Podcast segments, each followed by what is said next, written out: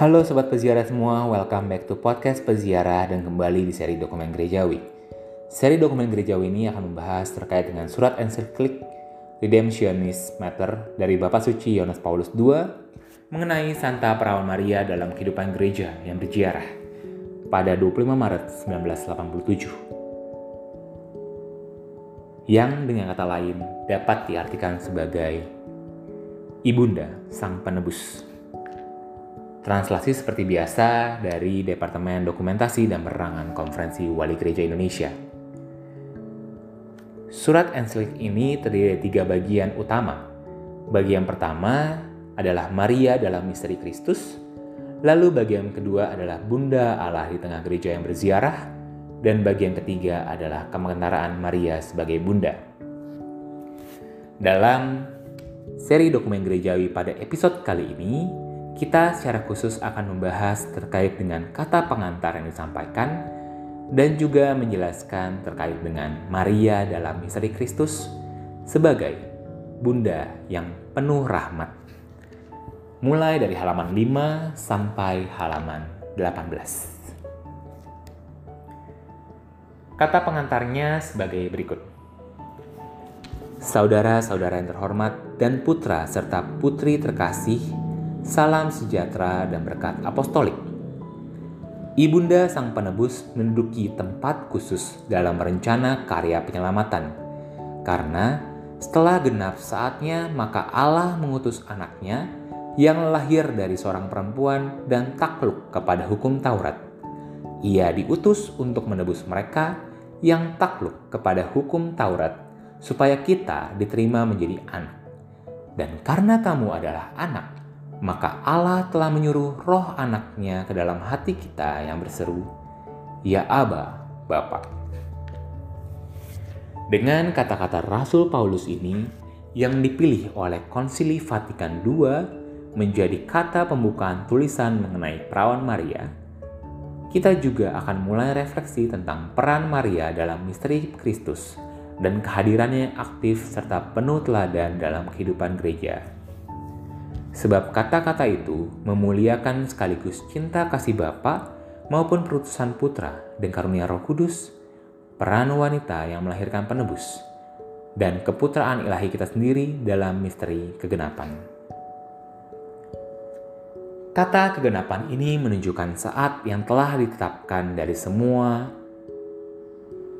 ketika Bapa mengutus putra supaya setiap orang yang percaya kepadanya tidak binasa melainkan beroleh hidup kekal. Hal itu menuju pada saat kudus, waktu Sang Sabda yang bersama-sama dengan Allah telah menjadi manusia dan diam di antara kita, dan membuat dirinya menjadi saudara kita. Hal itu menandai saat ketika Roh Kudus yang menuangkan rahmat sepenuhnya kepada Maria dan Nazaret membentuk dalam kandungannya yang perawan kodrat manusia Kristus. Kata kegenapan ini menandai saat ketika dengan maksudnya yang abadi ke dalam waktu itu sendiri telah ditebus dan karena dipenuhi misteri Kristus lalu nyatanya menjadi saat-saat penebusan. Akhirnya kegenapan ini menunjukkan awal terselubung perjalanan gereja. Dalam liturginya, gereja memberi salam kepada Maria dari Nazaret sebagai awal gereja sendiri. Karena dalam peristiwa Maria terkandung tak bernoda, gereja melihat proyeksi dan antisipasi karunia penyelamatan Paskah dalam diri warganya yang paling mulia. Terlebih-lebih dalam penyelamaan dia, menemukan Kristus dan Maria bersatu tak terpisahkan. Itu dia yang menjadi Tuhan dan Kepala Gereja, serta dia yang sambil mengucapkan sabda fiat pertama dalam perjanjian baru, memperlambangkan gereja sebagai permaisuri dan ibu diperkuat oleh kehadiran Kristus. Gereja menjalani waktu menuju kesempurnaan abad dan menyongsong tibanya Tuhan. Tetapi dalam perjalanan ini dan kita perlu menekankan gereja melintasi jalan yang dirintis oleh perawan Maria yang dilakukannya dalam ziarah imannya dan dengan penuh penyerahan dilanjutkannya dalam persatuan dengan putranya sampai ke salib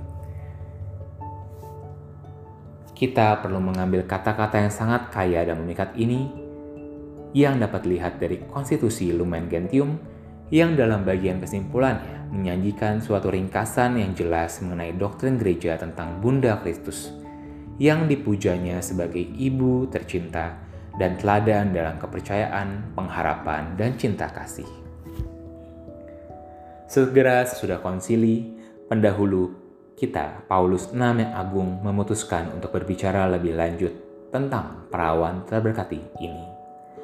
Dalam surat ensiklik Christi Matri dan selanjutnya dalam Exhortatio Apostolic Signum Magnum dan Marialis Cultus, dijelaskan dasar dan kriteria penghormatan khusus yang diterima Bunda Kristus di dalam gereja, maupun bentuk devosi kepada Maria yang sifatnya liturgis, populer, dan pribadi, sesuai dengan jiwa iman.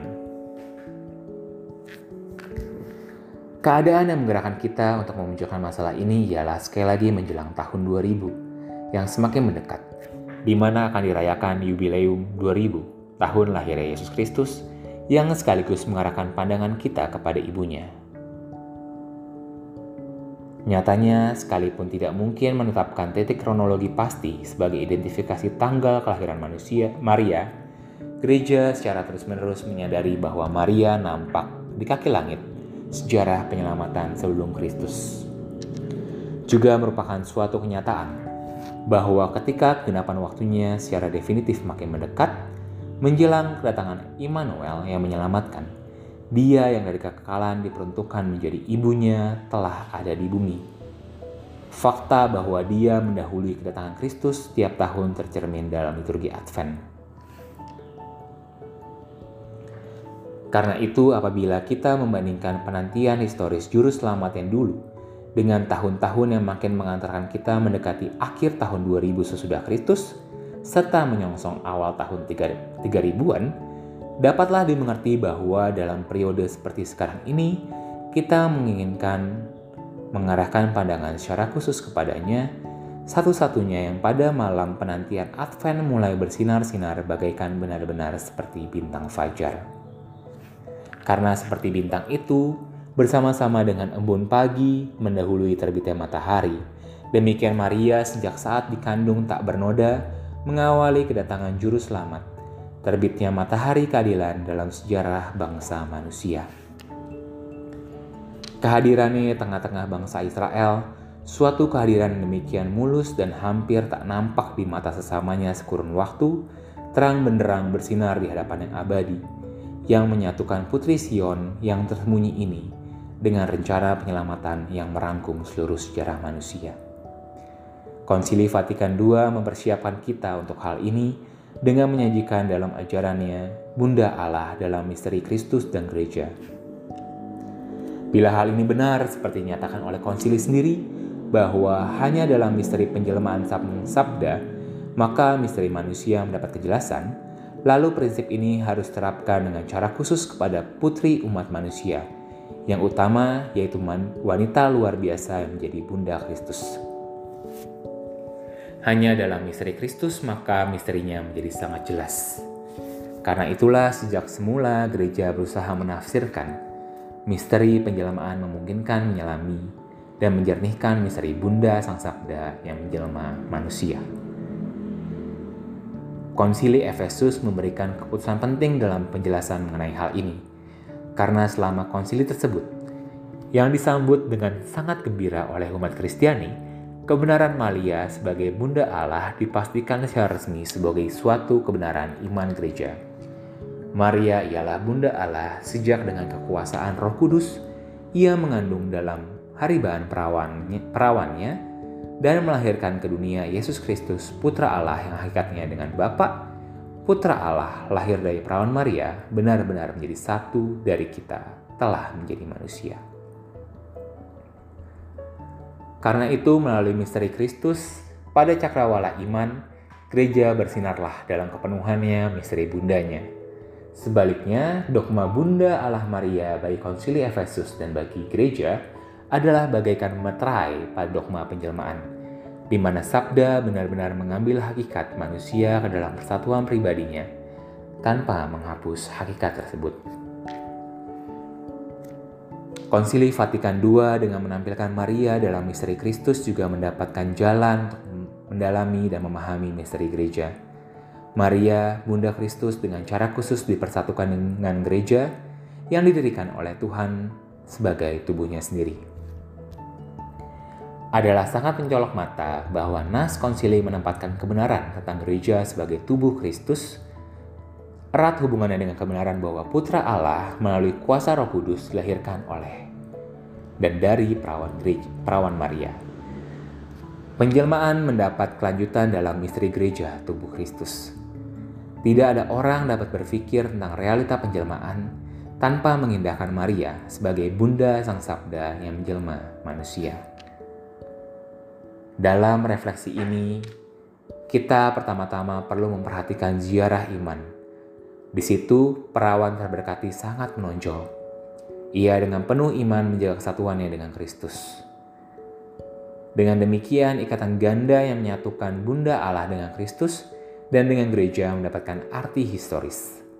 Hal ini pun bukan sekedar masalah sejarah kehidupan Bunda Perawan, perjalanan iman pribadinya dan peranan khususnya dalam misteri untuk penyelamatan, juga merupakan masalah sejarah seluruh umat Allah semua yang mereka ambil, semua mereka yang ambil bagian dalam ziarah iman yang sama itu. Konsili menyatakan hal ini ketika menyatakan dalam bagian lain bahwa Maria telah berjalan mendahului sehingga menjadi teladan gereja dalam hal kepercayaan, cinta kasih, dan persatuan sempurna dengan Kristus. Jalannya yang mendahului sebagai tokoh atau contoh itu mengacu pada misteri gereja, karena menjalankan dan memenuhi tugas penyelamatannya sendiri dengan mempersatukan dalam dirinya, sebagaimana dijalankan oleh Maria, sifat ibu dan perawan. Ia adalah seorang perawan yang menjalin kebutuhan dan kemurnian kepercayaan yang dijanjikan kepada mempelai pria dan menjadikan dirinya seorang ibu karena melahirkan anak-anak dalam hidup baru dan abadi yang dikandung dari Roh Kudus dan dilahirkan dari Tuhan. Semua ini terpenuhi dalam proses besar sejarah yang dapat dipersamakan dengan suatu perjalanan. Perjalanan ziarah iman menunjukkan sejarah batiniah, yaitu kisah jiwa-jiwa. Di sinilah terbuka prospek luas di mana perawan Maria yang terberkati berjalan mendahului umat Allah. Perjalanan ziarah imannya yang khusus itu merupakan titik pasti pegangan buat gereja, buat perorangan dan persekutuan, buat umat dan para bangsa, dan dalam arti itu untuk semua manusia memang sukar untuk mengelilingi dan mengukur jarak jangkauannya. Konsili menekankan bahwa Bunda Allah sudah memerupakan pemenuhan eskatologis gereja. Pada perawan tersuci gereja telah mencapai kesempurnaan, yaitu ada tanpa cacat dan tanpa celah. Dan pada saat itu juga konsili mengatakan bahwa Pengikut Kristus tetap berusaha meningkatkan kesucian dengan mengalahkan dosa, dan dalam hal itu mereka menengadahkan mata kepada Maria yang bersinar untuk seluruh masyarakat yang terpilih sebagai contoh kebajikan. Jarah iman tidak lagi milik Bunda Putra Allah. Ia telah dimuliakan pada satu sisi putranya dan surga. Maria telah melewati gerbang antara kepercayaan dan penglihatan, yaitu muka dengan muka. Pada waktu itu juga dalam pemenuhan eskatologis ini, Maria tidak berhenti menjadi bintang samudera bagi mereka yang masih dalam perjalanan iman. Bila mereka mengangkat mukanya kepadanya dari dunia ini, mereka melakukan hal itu karena putra yang dilahirkannya adalah yang ditentukan oleh Allah menjadi yang sulung di antara banyak saudara. Dan juga karena dalam kelahiran dan pertumbuhan, saudara-saudara ini dia membantu mereka dengan cinta kasih keibuannya. Setelah kata pengantar yang cukup panjang dan memahami, membantu kita memahami lebih lanjut tentang siapa Bunda Maria, kita akan masuk bagian yang pertama, Maria dalam misteri Kristus, terkait dengan Maria yang penuh rahmat. Terpenuhilah Terpujilah Allah dan Bapa Tuhan kita Yesus Kristus yang dalam Kristus telah mengaruniakan kepada kita segala rohani di dalam surga. Kata-kata surat kepada orang Efesus mewahyukan abadi Allah Bapa rencananya tentang penyelamatan manusia dalam Kristus. Suatu rencana universal yang menyangkut semua pria dan wanita yang diciptakan dalam citra dan bersamaan Allah. Seperti semuanya termasuk dalam karya penciptaan Allah dan dalam awal mula, demikian semua dari kekal tercakup dalam rencana ilahi tentang penyelamatan yang sepenuhnya diwahyukan dalam kegenapan waktu dengan kedatangan akhir Kristus. Kata-kata ini adalah lanjutan nas yang sama itu. Sebab itu di dalam dia Allah telah memilih kita sebelum dunia dijadikan, supaya kita kudus dan tak bercacat di hadapannya. Dalam kasih ia telah menentukan kita dari semula oleh Yesus Kristus untuk menjadi anak-anaknya, sesuai dengan kerelaan kehendaknya, supaya terpujilah kasih karunia-Nya yang mulia yang dikaruniakannya kepada kita dalam dia yang dikasihinya Sebab di dalam dia dan oleh darahnya kita beroleh penebusan, yaitu pengampunan dosa menurut kekayaan kasih karunia-Nya. Rencana penyelamatan ilahi yang sepenuhnya diwahyukan kepada kita dengan kedatangan Kristus adalah kekal dan sesuai dengan pelajaran yang termaktub dalam surat yang baru saja dikutip dan terdapat dalam surat-surat Paulus lainnya, rencana itu juga berkaitan kekal dengan Kristus. Hal itu mencakup siapa saja, namun menyediakan tempat sangat khusus untuk wanita yang menjadi ibunda pribadi yang oleh Bapa dipercayakan karya penyelamatan. Seperti dikatakan Konsili Vatikan II, dia telah dinubuatkan terlebih dahulu dalam janji yang disampaikan kepada nenek moyang kita setelah jatuh ke dalam dosa. Sesuai kitab kejadian, Sesungguhnya seorang perempuan muda mengandung dan melahirkan seorang anak laki-laki dan ia akan menamakan dia Immanuel menurut nubuat Yesaya. Dengan cara demikian, perjanjian lama menyiapkan kegenapan waktu tersebut ketika Allah mengutus putranya lahir dari wanita sehingga kita bisa diangkat sebagai anak-anaknya. Kedatangan putra Allah ke dunia adalah suatu peristiwa yang dicatat dalam bab-bab terutama Injil Lukas dan Matius. Maria secara definitif diantar memasuki misteri Kristus melalui peristiwa pemberitahuan oleh malaikat. Hal itu terjadi di Nazaret dalam lingkungan konkret sejarah Israel, bangsa yang pertama-tama menerima janji Allah.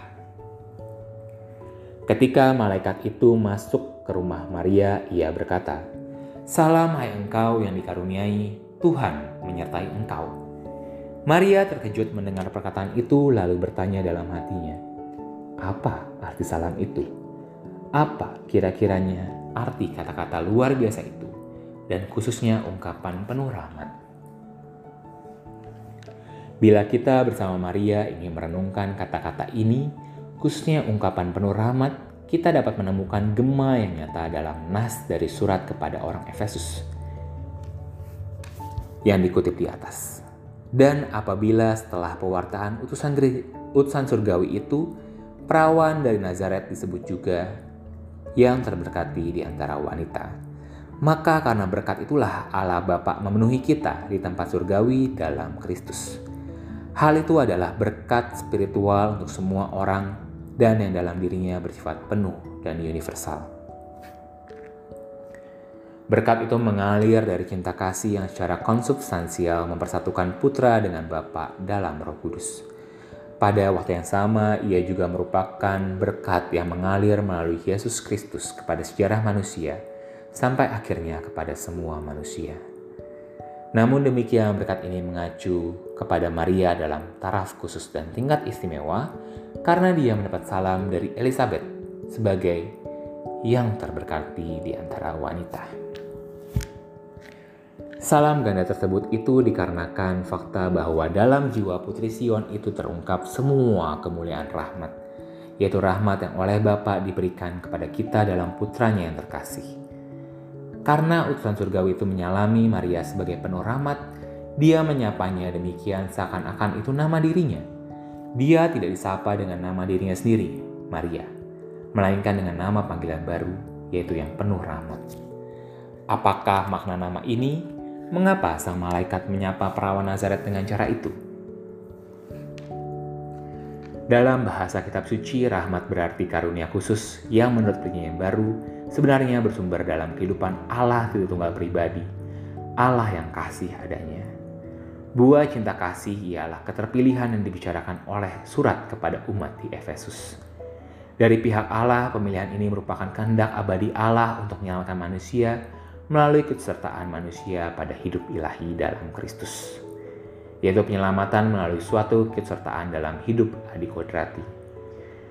Karunia abadi ini yaitu karunia pemilihan manusia oleh Allah membawa buah seperti benih kekudusan atau sebuah mata air yang muncul dalam jiwa sebagai karunia dari Allah sendiri yang melalui karunianya itu menganugerahkan kehidupan dan kekudusan kepada mereka yang terpilih. Dengan cara ini terpenuhilah atau terjadilah bahwa seorang terberkati dengan segala berkat rohaninya, bahwa orang menjadi putra dan putri angkat dalam Kristus, yaitu dalam pribadi yang dari kekal adalah putra terkasih Bapa. Bila kita membaca bahwa sang utusan menyapa Maria sebagai yang penuh rahmat, konteks Injil memadukan wahyu dan janji-janji masa lalu, memungkinkan kita memahami bahwa di antara semua berkat rohani dalam Kristus, berkat ini merupakan berkat khusus dalam misteri Kristus, Mari hadir, malahan sebelum penciptaan dunia sebagai seseorang yang dipilih. Terlebih sebelum penciptaan dunia, sebagai seorang yang dipilih Bapa sebagai bunda putranya dalam penjelmaan. Dan terlebih lagi, bersamaan dengan Bapa, Sang Putra telah memilih Maria dengan mempercayakan dari kekal kepada roh kekudusan dalam cara yang khusus dan istimewa itu, Maria dipersatukan dengan Kristus. Dengan itu dikasihi dalam putranya yang terkasih. Putranya yang satu hakikat dengan Bapa yang menjadi pusat semua kemuliaan rahmat. Bersama dengan itu dia tetap terbuka sempurna terhadap karunia di atas. Seperti diajarkan konsili, Maria berada di antara yang miskin dan rendah hati di hadapan Tuhan, yang dengan percaya menunggu dan menerima penyelamatan daripadanya. Apabila salam dan sebutan penuh rahmat mencakup semua itu, maka dalam konteks pewartaan malaikat, mereka pertama-tama menunjuk kepada pemilihan Maria sebagai putra Allah. Sebutan penuh rahmat menunjukkan semua kemurahan hati adikodrati yang melimpahi anugerah kepada Maria sehingga terpilih dan diperuntukkan menjadi Bunda Kristus. Bila pemilihan ini adalah syarat dasariah untuk memenuhi kerencana Allah menyelamatkan manusia, dan bila pemilihan dari kekal ke dalam Kristus, serta panggilan kepada kemuliaan anak-anak angkat adalah tujuan tiap manusia, maka pemilihan Maria itu seluruhnya bersifat istimewa dan unik. Karena itu, tempatnya dalam misteri Kristus sifatnya juga unik dan khusus. Kata malaikat itu kepadanya, "Jangan takut, hai Maria, sebab engkau beroleh kasih karunia di hadapan Allah." Sesungguhnya engkau akan mengandung dan akan melahirkan seorang anak laki-laki dan hendaklah engkau menamai dia Yesus. Ia akan menjadi besar dan akan disebut anak Allah yang maha tinggi.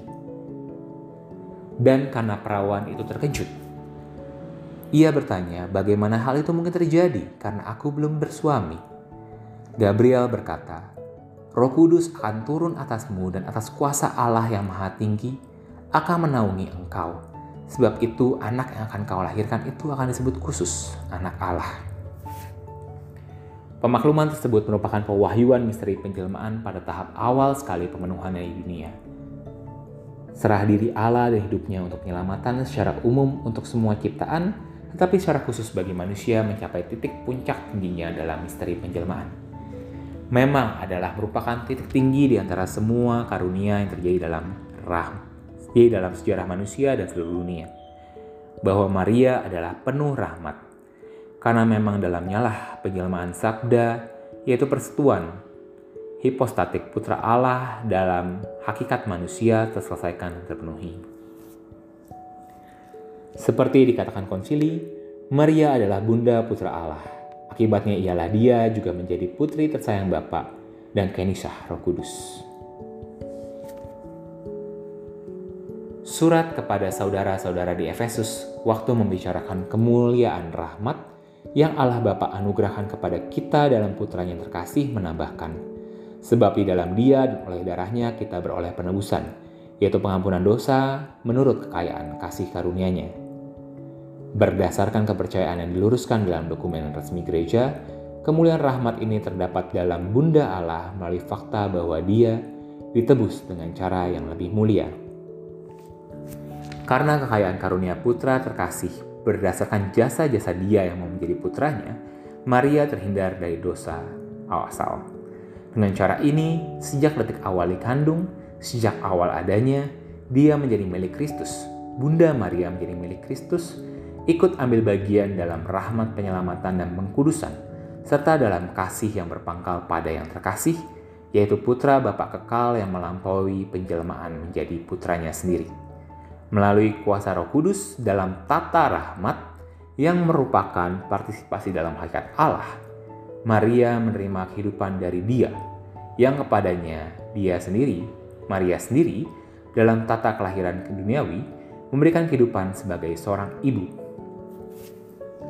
Liturgi tidak ragu-ragu lagi menyebutnya Bunda Pencipta dan memujanya dengan kata-kata yang ditempatkan oleh Dante Alighieri pada bibir Santo Bernardus, putri putramu. Dan karena Maria menerima hidup baru ini dengan sepenuhnya, sebagaimana cinta kasih sang putra terhadap ibunya, dan demikian juga sesuai dengan kemuliaan ibu ilahi, maka malaikat pada pemakluman tersebut menyapanya sebagai yang penuh rahmat. Dalam rencana penyelamatan Tritunggal Maha Kudus, secara berlimpah penjelmaan mewujudkan pemenuhan janji Allah kepada manusia sudah dosa asal, itu dosa pertama yang akibatnya melanda seluruh sejarah duniawi manusia. Dengan demikian datanglah ke dunia seorang putra, benih seorang wanita, yang akan menghancurkan kejahatan dosa sampai ke akar-akarnya. Dia akan menghancurkan kepala ular itu. Seperti kita lihat dari kata-kata Injil perdana, Kemenangan putra wanita tidak akan terjadi tanpa perjuangan berat. Suatu perjuangan yang akan membentang sampai ke seluruh sejarah manusia. Permusuhan yang diceritakan pada awal Alkitab dikuatkan dalam kitab Wahyu.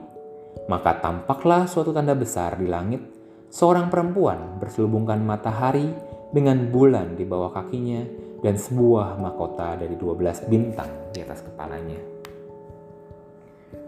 Maria, Bunda Sang Sabda yang menjelma, ditempatkan pada pusat permusuhan, yaitu pertempuran yang menyertai sejarah manusia dunia dan sejarah penyelamatan. Dalam titik pusat ini, dia yang termasuk lemah dan miskin di hadapan Tuhan, membawa dalam dirinya mengatasi semua anggota umat manusia lainnya, kemuliaan rahmat yang dianugerahkan Bapa kepada kita dalam putranya yang terkasih. Dan karunia ini menentukan keagungan luar biasa dan keindahan seluruh keberadaannya. Demikian Maria tetap di hadapan Allah dan juga di muka seluruh umat manusia sebagai suatu tanda tak berubah dan tak terusik dari pemilihan Allah. Sesuai kata Paulus dalam suratnya, sebab di dalam dia Allah telah memilih kita sebelum dunia dijadikan, supaya kita kudus dan tak bercacat di hadapannya dalam kasih ia telah menentukan kita dari semula oleh Yesus Kristus untuk menjadi anak-anaknya sesuai dengan kerelaan kehendaknya. Pemilihan ini pada akhirnya lebih berkuasa daripada pengalaman kejahatan dan dosa mana pun. Lebih kuat daripada segala permusuhan yang menandai sejarah manusia. Dalam sejarah ini, Maria tetap merupakan suatu tanda pengharapan yang kokoh.